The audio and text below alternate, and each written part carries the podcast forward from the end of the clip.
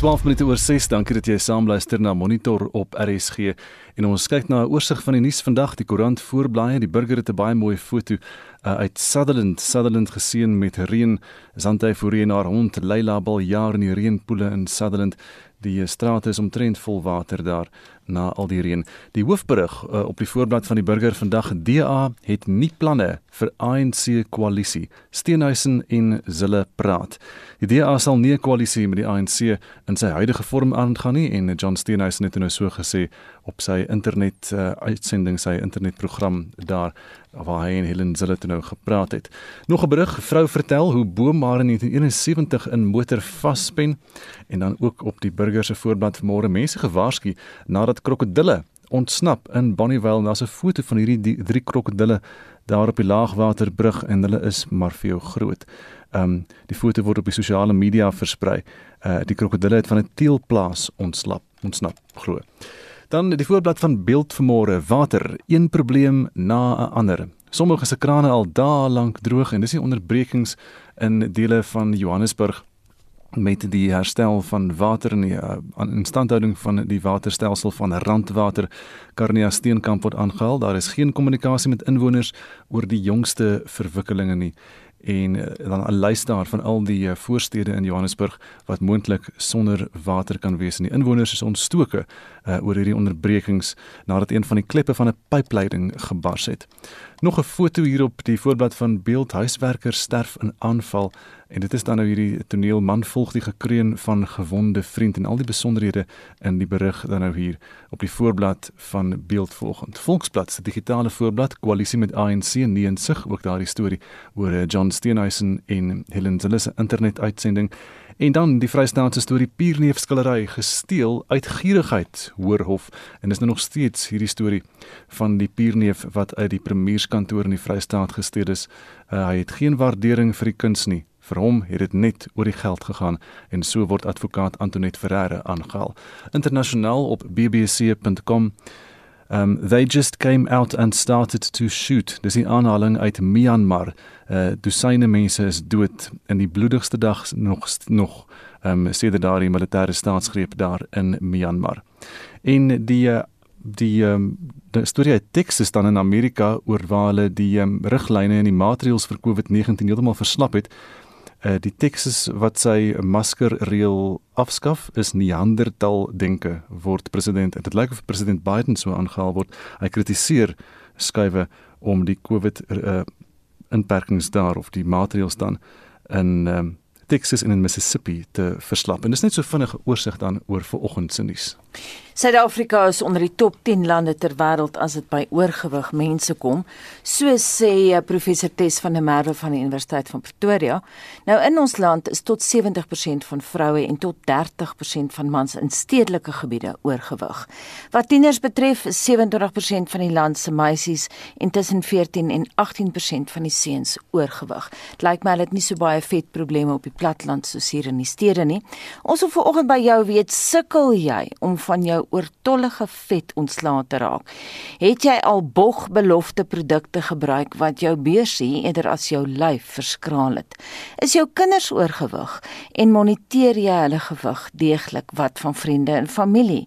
Het jy al die stryd om gewig te verloor gewonne gegee of het jy onlangs baie vet afgeskit? Vandag is die dag waar tydens hy jou vetpraatjies met ons kan deel, want dit is amptelik wêreldobesiteitsdag. Terloops, dit is ook die nuwe korrekte term blykbaar gebruik. Die wetenskaplikes nie meer uh, die term vetsig nie. Hulle verkies obesiteit. Ons sal later by professor Tes hoor hoekom.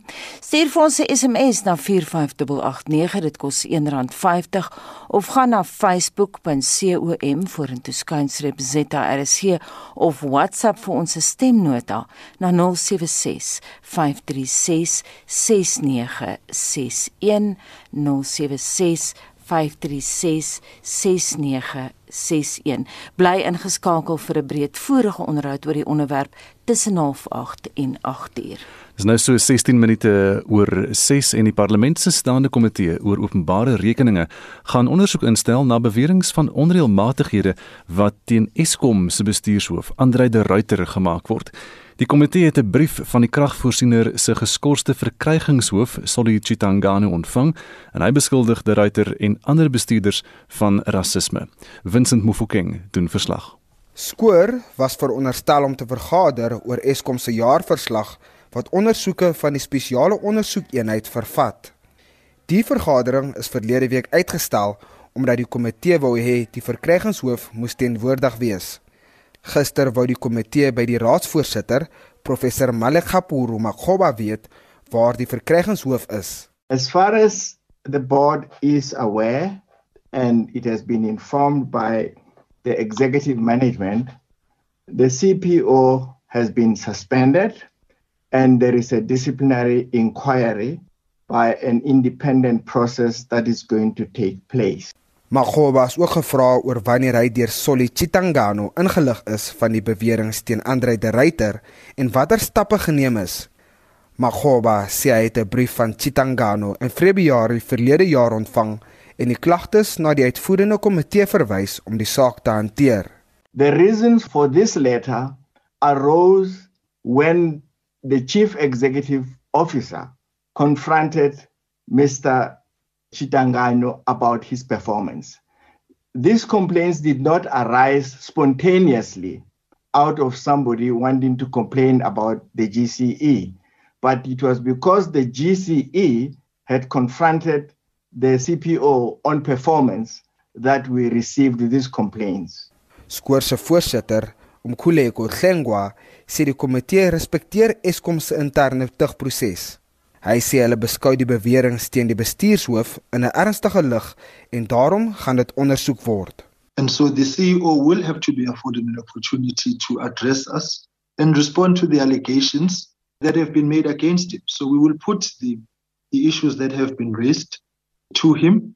So I think that um, committee investigative process must ensue on this matter given the importance of ESCOM. It is very very urgent.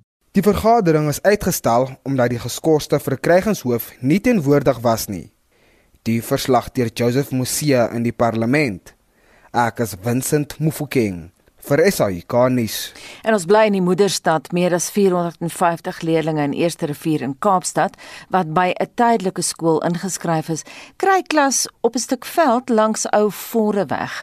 Duisende mense van informele nedersettings is die afgelope 2 jaar na nuwe huise in die gebied verskuif. Ouers sê dat skole in die omgewing reeds propvol is. Berenice Mos het meer. 'n krat of 'n emmer dien as 'n stoel en lesenaar vir die leerdlinge. Die skool begin om 8 uur in die oggende. Die paar bome op die veld bied geen skuilings teen die warm somerson nie. Die kinders kry daagliks maaltye te danke aan skenkings. Die onderwysers skenk ook hulle tyd om die kinders klas te gee. Daar is nie ablusie fasiliteite op die perseel vir leerders en onderwysers nie. Dis moet hulle van fasiliteite in naburige gemeenskappe gebruik maak. Die gemeenskapsleier, Goodman Wellebai, sê die provinsiale onderwysdepartement het aangebied om kinders na skole wat meer as 10 km ver is te skuif. Maar volgens hom is dit nie 'n oplossing nie weens die hoë misdaadvlakke en hulle vrees vir die veiligheid van die jonger kinders. Hy sê amptenare kon geen geskikte ligging vind om 'n skool te bou in Forest Village nie. It is a right for our children to get education. It is a right for the community to have a school nearby where they stay. Our children are from schools that have Xhosa as a first language. We also want a school around here in, in, in Forest Village with isiXhosa as a first language. We don't mean that Afrikaans is not going to be there. We don't mean that English is not going to be. All languages will be there, but the priority is the Xhosa, our language. Nolizo en Dikandika se kind is in graad 1 en sy sê hy is te jonk om alleen skool toe te stap of te ry. My child is small and I'm worried about that. We, are, we can't go to Kailicha, my child. We can't go to, to Kailicha because sometimes you, have, you, you find the injuries uh, and, uh, and so on. The sun is, strong and also the windy day sometimes and um, rainy day sometimes. I, I'm not satisfied. Die Wes-Kaapse Onderwysdepartement sê die gemeenskap het 'n onwettige skool geskep in 'n poging om die plaaslike regering te dwing om 'n skool te bou. Die departement sê dat hy in die verlede met soortgelyke pogings soos hierdie gekonfronteer is waar sekere onderwysers werk wil kry deur middel van hierdie soort optrede deur gemeenskapslede. 'n Woordvoerder, Browne Hammond, sê einde verlede jaar het hulle verskillende alternatiewe aangebied, maar dit is deur die gemeenskap verwerp. We cannot simply appoint teachers or create new schools in such a manner. We have to consider a variety of factors, including the fact that other areas have more serious challenges with regards to admissions and should be prioritized. The list of unplaced learners submitted by the task team also seems incorrect. Many of the names have no ID numbers or contact numbers attached. Some of the numbers are of random people from all over the province or country, from Ashton in the Western Cape to Gauteng. We will continue to engage with the parents of the community on the placement of their children. Unfortunately, those that refuse to take up our offers are doing so to the detriment of their child's education. Meer as 7400 leerdlinge in die Wes-Kaap is steeds nie in skole geplaas vir die jaar nie.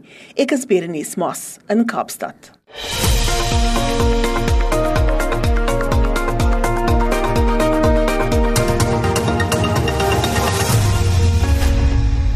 Oorstokkies en harde musiek is deel van ons daaglikse lewe. Dis egter van die mees algemene maniere hoe ons ons gehoor kan verloor. Wêreldwyd word die klem van dese week op gehoorverlies geplaas. Marlenae Forsie het meer besonderhede. Professor Claudine Stolbeck, die direkteur van Witse Sentrum vir Opleiding en die onderrig van dowes, sê die dag het tweeledige betekenis. Raising awareness for people of how important their ears are and how important sound is.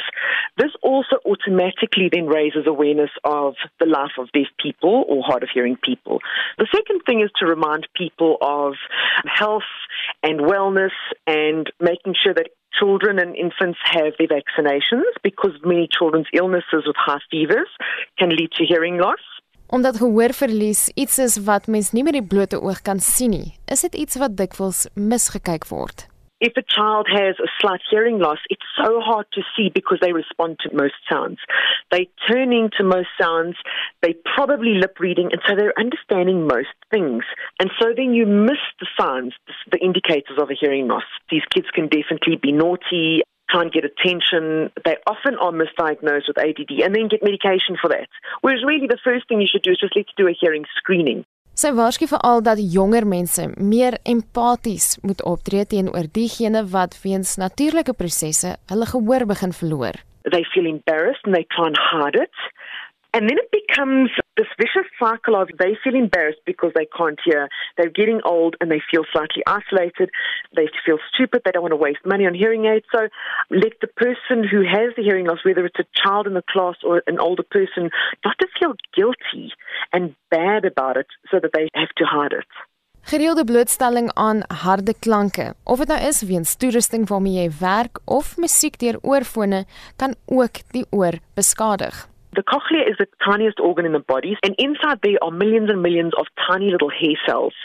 Each of the hair cells represent a different frequency, depending on what you hear. So, if it's the sounds of drums, or if it's the sound of rock music, or it's the sound of machinery, it hits those same little hair cells, and those specific hair cells then get damaged and can eventually become totally damaged and not work, which is also hard to tell because they listen to everything else and they hear it, but there's certain frequencies they can't hear. Sy moedig jou ook aan om jou ore eerder met 'n waslap skoon te maak. When you put earbuds in your ear, you're either pushing wax or foreign objects deeper in, or you can hurt the eardrum, uh, the, the ear canal, or you can perforate and, and burst the eardrum.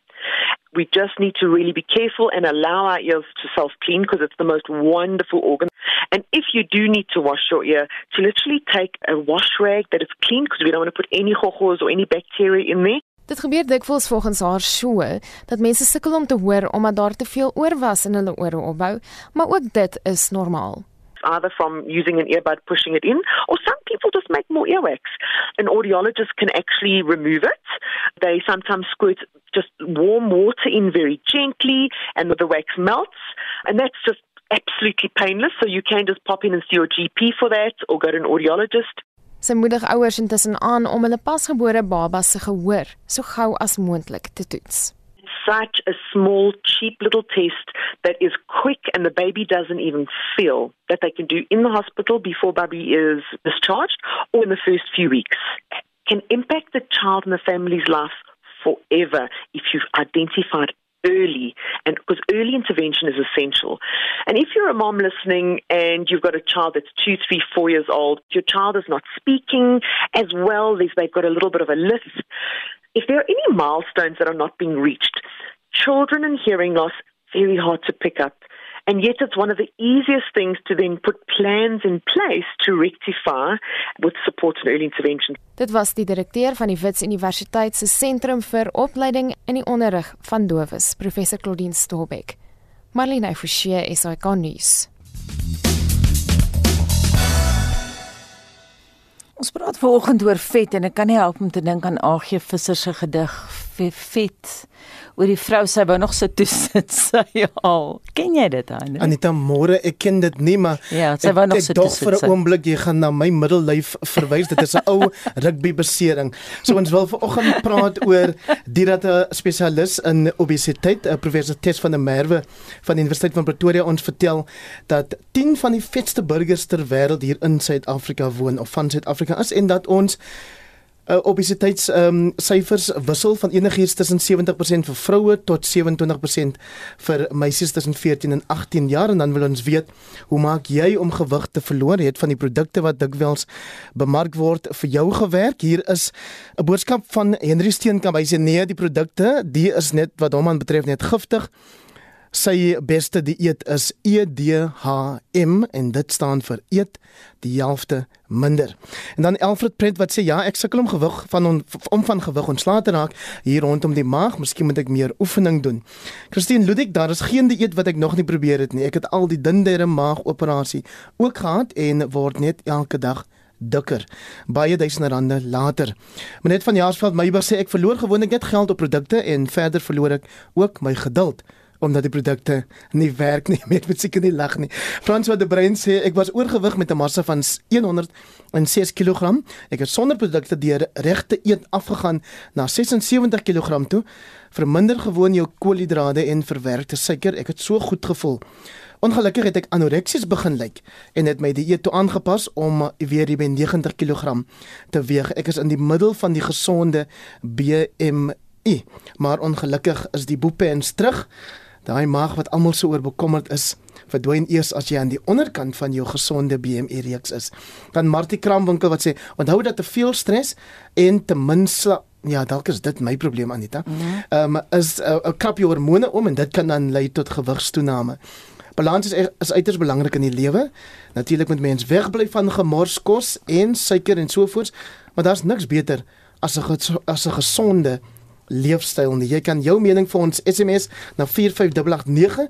Dit kos jou R1.50 elk of gesels saam op die Monitor en Facebook, ekskuus, die Monitor en Spectrum Facebook bladsy. Anders kan jy vir ons 'n WhatsApp stuur na 0765366961. Die nommer is 0765366961. 61 en as jy daai WhatsApp dan hou so 30 sekondes dan uh, speel ons dit graag. En ongelukkig het jou lyf ook 'n setpunt van gewig waarvan hy hou. En jy gaan gewoonlik terug na die vetste wat jy nog ooit was. Dank ons sal by Prof Tess hoor. Dit is veronderstel om my beter te laat voel. ons sal by Prof Tess hoor hoe werk dit so bly ingeskakel vir daai onderhoud. Intussen beweeg ons na die sportveld hier is Shaun Jooste. Ons wil weg met cricketnuus. Die vierde en laaste toets van die reeks tussen Indië en Engeland het vroeër in Ahmedabad begin. 55000 toeskouers sal per dag in die stadion toegelaat word. India loop 2-1 voor en moet die toets wen of 'n geen uitslag afdwing om na die toetskampioenskappe eindstryd in Junie op Lords teen Nieu-Seeland deur te dring. Indien Engeland die toets wen, sal Australië vir die eindstryd kwalifiseer. Die Windies het die eerste wedstryd van hulle T20 reeks teen Sri Lanka vanoggend met 4 paaltjies gewen. Die Windies se Kieran Pollard was die speler van die wedstryd en het 38 lopies aangeteken en 6 sesse in een bilbeurt gemoker. Sokker. Beide gister se DStv Premier Liga wedstryde kon geen doele oplewer nie. Dit was tussen Chippa United en Cape Town City en Golden Arrows en Baroka FC. Gisteraand in die Engelse Premier Liga Sheffield United vir Aston Villa met 1-0 geklop. Burnley en Leicester City het 1-1 en Crystal Palace en Manchester United 0-0 gelyk opgespeel. Vanaand 8:00 speel Fulham teen Tottenham Hotspur en West Brom teen Everton. Liverpool en Chelsea met kwart oor 10 kragte. Tennis, 'n paar groot name moes hulle tasse pak na gister se tweede ronde van die manstoernooi in Rotterdam in Nederland. Die wêreldnommer 3 van Rusland Daniel Medvedev, die nommer 7 van Duitsland Alexander Zverev en die nommer 13 van Spanje Roberto Bautista Agut is in twee stelle uitgeskakel. David Goffin van België het ook teen die Duitser Jan-Lennard Struff en Kei Nishikori van Japan teen die Aussie Alex de Minaur geseëvier. Dit was ook in twee stelle. By die vroue ope in Qatar het die Tsjeeg Karolina Pliskova met Ons Jabeur van Tunesië Die Spanjaard Karbin Muguruza met Arina Sabalenka van Belarus, Elena Svitolina van die Oekraïne met Musaki Doi van Japan en Maria Sakkari van Griekeland met die Amerikaner Madison Keys afgereken. Hulle is nou almal deur na die kwartfinale. En laastens op die golfbaan slaan die Arnold Palmer uitnodigingstoernooi vanmiddag 3 uur in Bay Hill in Florida af. Die veld bestaan uit 123 spelers en sluit die ses Suid-Afrikaners Louis Oosthuizen, Christian Besaidnout, Erik van Rooyen, Dylan Fratelli, Brandon Grace en Charles Schwartzelen. Die Engelsman en wêreldnommer 6, Tyrell Hatton, is die verdedigende kampioen. En die LPGA Tour se Drive-On Kampioenskappe begin vanmiddag kort na 2 in Ocala in Florida. Dit is die derde toernooi in die Drive-On reeks. Ashley Buy is die enigste Suid-Afrikaner in die veld van 120 spelers. Shaun Schuster, SAK Sport.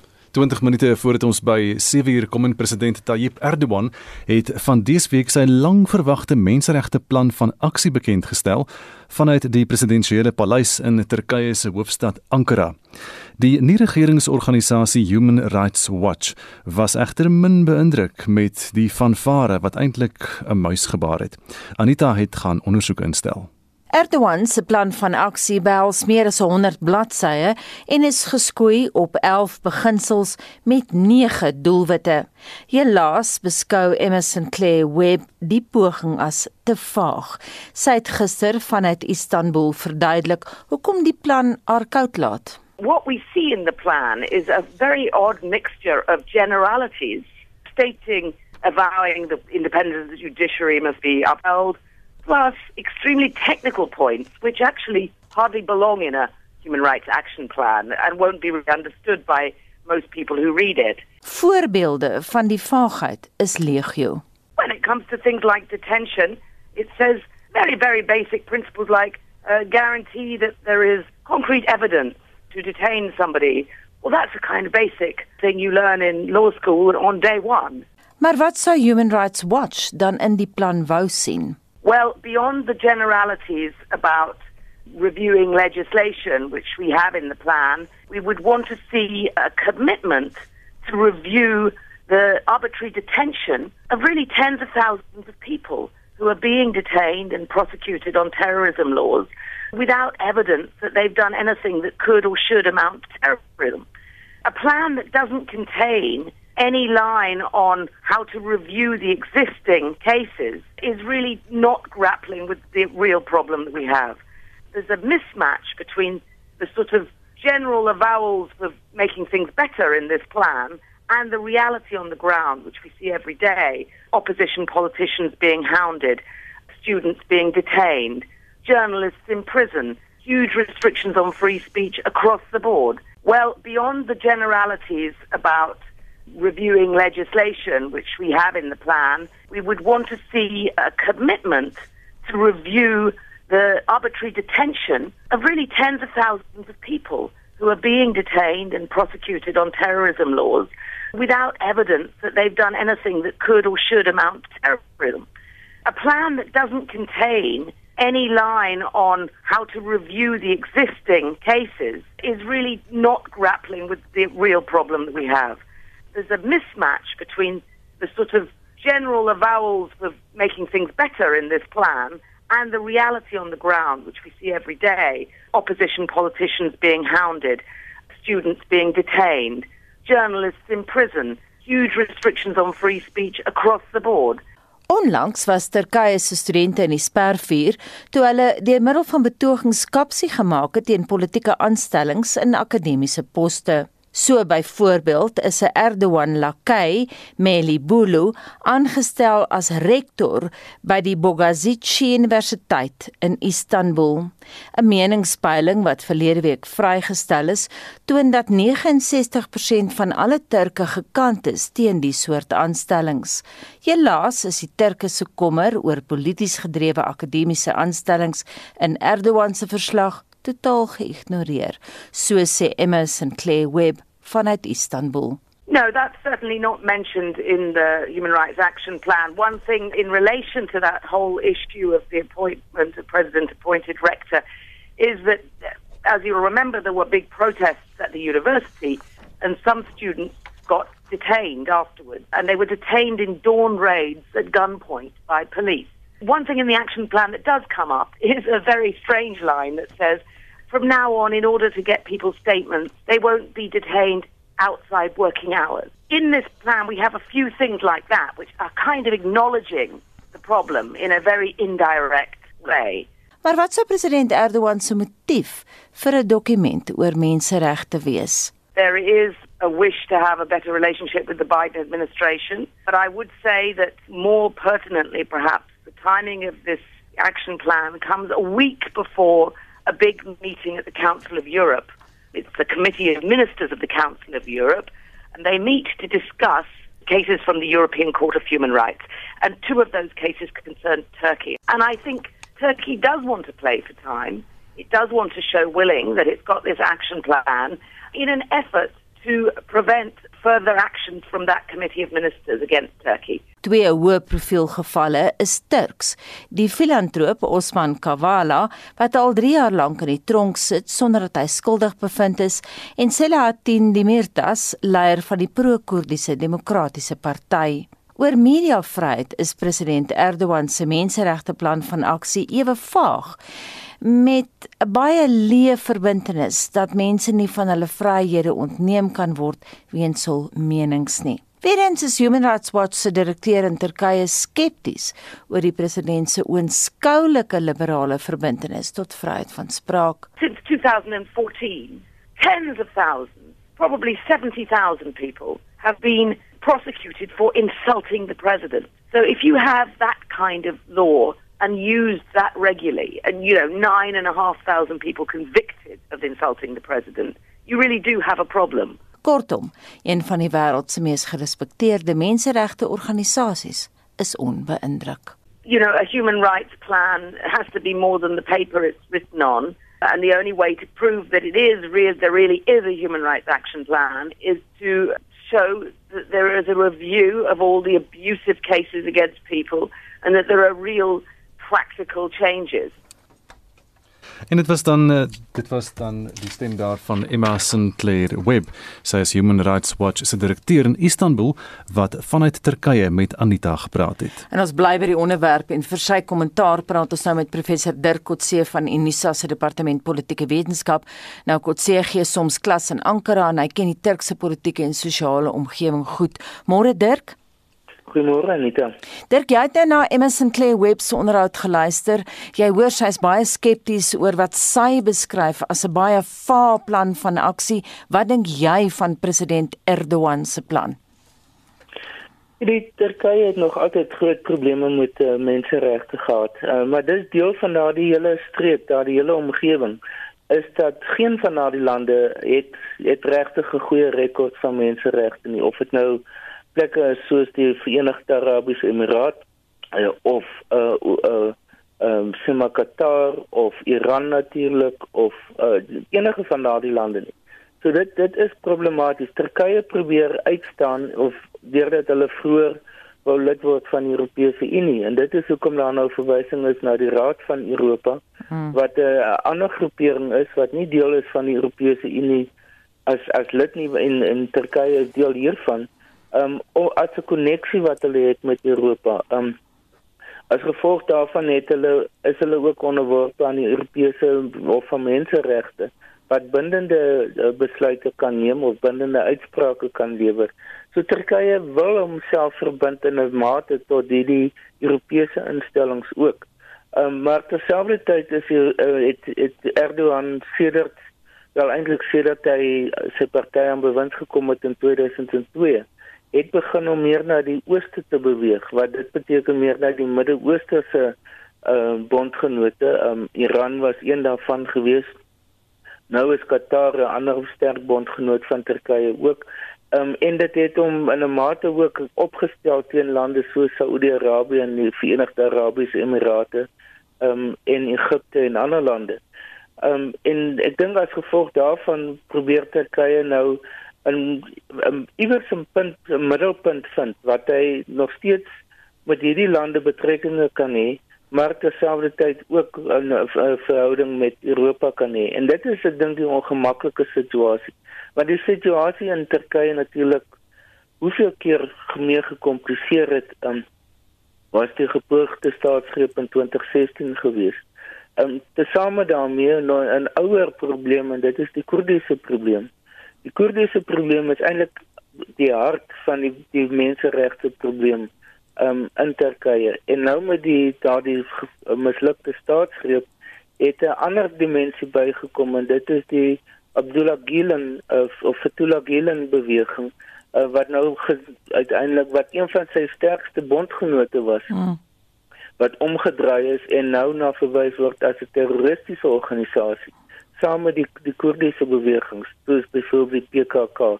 So die die die verwysing na terrorisme in Turkye beteken eintlik heeltemal iets anders as wat terrorisme byvoorbeeld vir ons beteken of vir 'n ander land omdat enigiets wat werklik gesien word as oppositie, sterk oppositie teen die party, teen die regering outomaties kwalifiseer as terrorisme. So in in daardie opsig dink ek is die die verwysingsraamwerk in Turkye is net iets heeltemal anders as die verwysingsraamwerk wat ons of Europeërs of ander lande het. Dirk ek wil hê men daarbey aansluit want jy verwys nou na terreur of terrorisme. President Tayyip Erdogan het nou al verwys na die studente wat dan soveel oproer maak as terroriste. Kan ons 'n versagting in sy taalgebruik verwag? Ek dink nie so nie. Dit is dis deel van uh, Erdogan. Dis deel van ehm um, die opbou wat oor tyd plaasgevind het om hierdie punt te bereik en om homself in die magsposisie te plaas waar hy is. Want daar is baie ondersteuning daarvoor in Turkye. Daar's baie mense wat glo dat dit wat hy doen en die wyse waarop hy Turkye geposisioneer het, goed was vir Turkye. Die die Turkse ekonomie en die algemeen veral die die sogenaamde besigheids uh, middelklas het baie gebaat daarbey. Uh, so dit is nie noodwendig dat dit iets is wat in in die algemeen na negatief na gekyk word nie. Maar daar wel 'n probleem begin ontstaan nou is is dat die uh, Erdogan is besig om sy steun te verloor. Ehm um, hy het reeds in die in die laaste verkiesing vir die plaaslike owerhede het hy al die groot metro's verloor. Mm. Het Ankara verloor, het Istanbul verloor, het, het Izmir verloor sy party. Ehm um, en daar's weer verkiesings op pad. Ehm um, en dit sal dit dink ek is een van die redes hoekom hy nou begin miskien uitreik na die ehm um, na die meer stedelike middelklas in Turkye wat nie net sy steunbasis is nie, maar wat hy na toe moet uitreik om uiteindelik sy posisie as regerende party te kan behou. Um, en ek dink dit was waarskynlik een van die redes hoekom hierdie dokument uitgekom het wat 'n 'n soort van 'n middelposisie is dat hy wil nie te veel homself verbind tot die verandering van sy sy manier van regeer nie maar terselfdertyd wil hy seker goed of, of wil hy 'n sekere sin vir 'n geelwortel uithang dan mense om te sê wel ek is bereid om verander in sekere opsigte veral waar dit julle trek soos die media soos universiteite mm. soos En dan jou belangrikste van alles is die regspraak, want dit is in essensie waaroor hierdie dokument gaan. Is dit die eerste plan van sy soort in Turkye?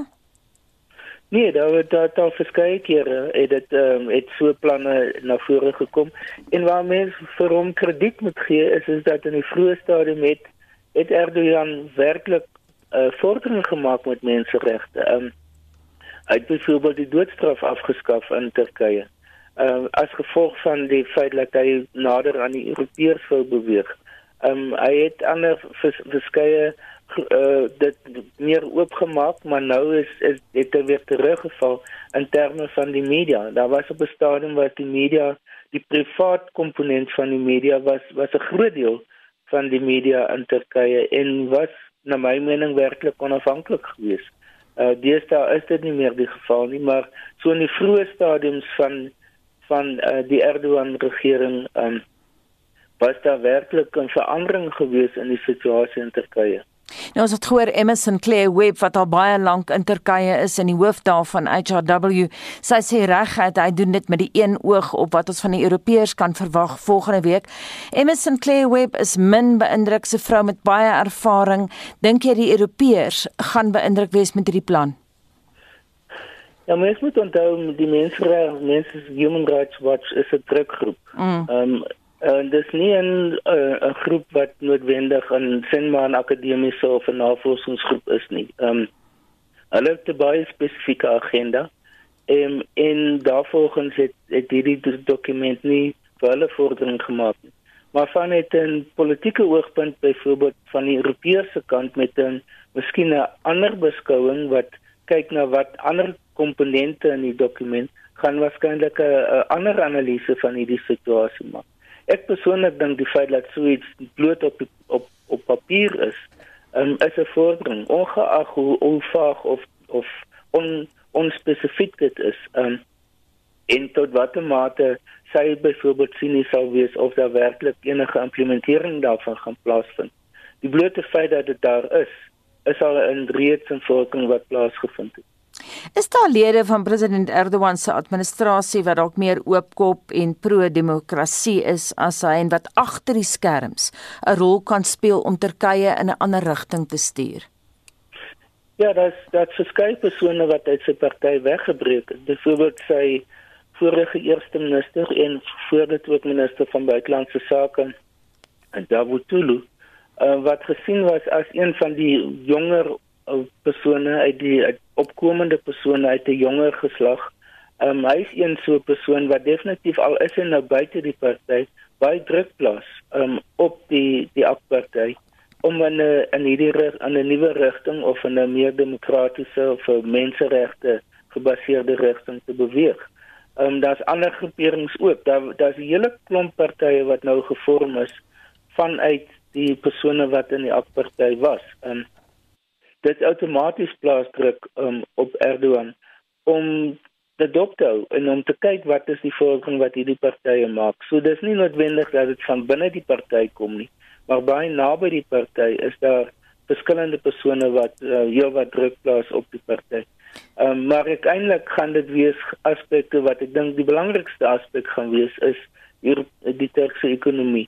Wat op die oomblik nie goed doen nie, daar's effektief effektiewe sanksies wat op toegepas word deur die Amerikaners en, en ek dink dit waar die Biden komponent inkom want mm. Biden is het, is 'n Midde-Oosterse beleid het uh, het heeltemal of radikaal hersien. Mm -hmm. um, en alle persone wat daarbey gebaat het veral Israel in die verlede ehm um, sowel as die Verenigde Arabiese Emirate, Saudi-Arabië nou met die, die jongste verslag ehm um, oor die wat die die kroonprins raak Mm. beteken dat al die al die lande het sien uh, moet hulle self nou herposisioneer teenoor Amerika um, en dit sluit Turkye aan. Baie dankie en so sê professor Dirk Kotse van Unisa se departement politieke wetenskap. Heinrich Anita so eh, die luisteraars praat lekker saam oor gewig verloor, gewigsverlies en die planne wat elkeen probeer om gewig te verloor. Milroy Rogers sê gewig verloor is 'n baie lang proses. Daar is so baie faktore wat 'n rol speel. Besluit op 'n eetplan en hou daarby. Oefening help ook met gewigsverlies. Dit moet egter langtermyn wees. Baie van die merwe sê ja, dit is 'n stryd. Dit gaan so op en af. Mense lewenstyl is te onaktief en Elsie Bernardo Marese skuldklier is 'n rede en wanneer jy eet, probeer om dit nie na 6 in die aand te doen nie. Dit help nogal. Leon Laberskagni, ek het die ek het die die eetkundige gaan sien vir oorgewig en cholesterol afname, het basies net kleiner porsies gebruik. Koolhidrate, rooi vleis en suiker baie verminder. soortgelyk aan 'n mediterrane dieet ook meer aktief geraak. Ek het al reeds 15 kg in 5 maande verloor sure. en cholesterol telling is baie af. Geen foffies en geen poeiers nie, hm. net gesonde verstand en genoeg tyd sal werk. Een blaar maak jou nie maar nie. en een steek sal jou nie vet maak nie. Dit is 'n proses en dan Susan van Duyk wat vir Leone Laberskag nie geluk wens daarmee en dan ook sê jy staan absoluut die spyker op die kop. Goeie en gesonde en gesonde gewoontes is nie te kry aan poeiertjies of in stropies nie. Ek wil net gou weer daai vrou wat sê met nie na 6 saans eet nie. Ja, sy slaan ja, suiker. Uh, Elsie. Ja. Elsie, jy sal hoor dat uh, professor Tess stem saam met jou. Dis ook haar raad. Jy moenie laat aand eet nie. Bly ingeskakel vir daai onderhoud na 08:00 en dit bring ons by 7:00.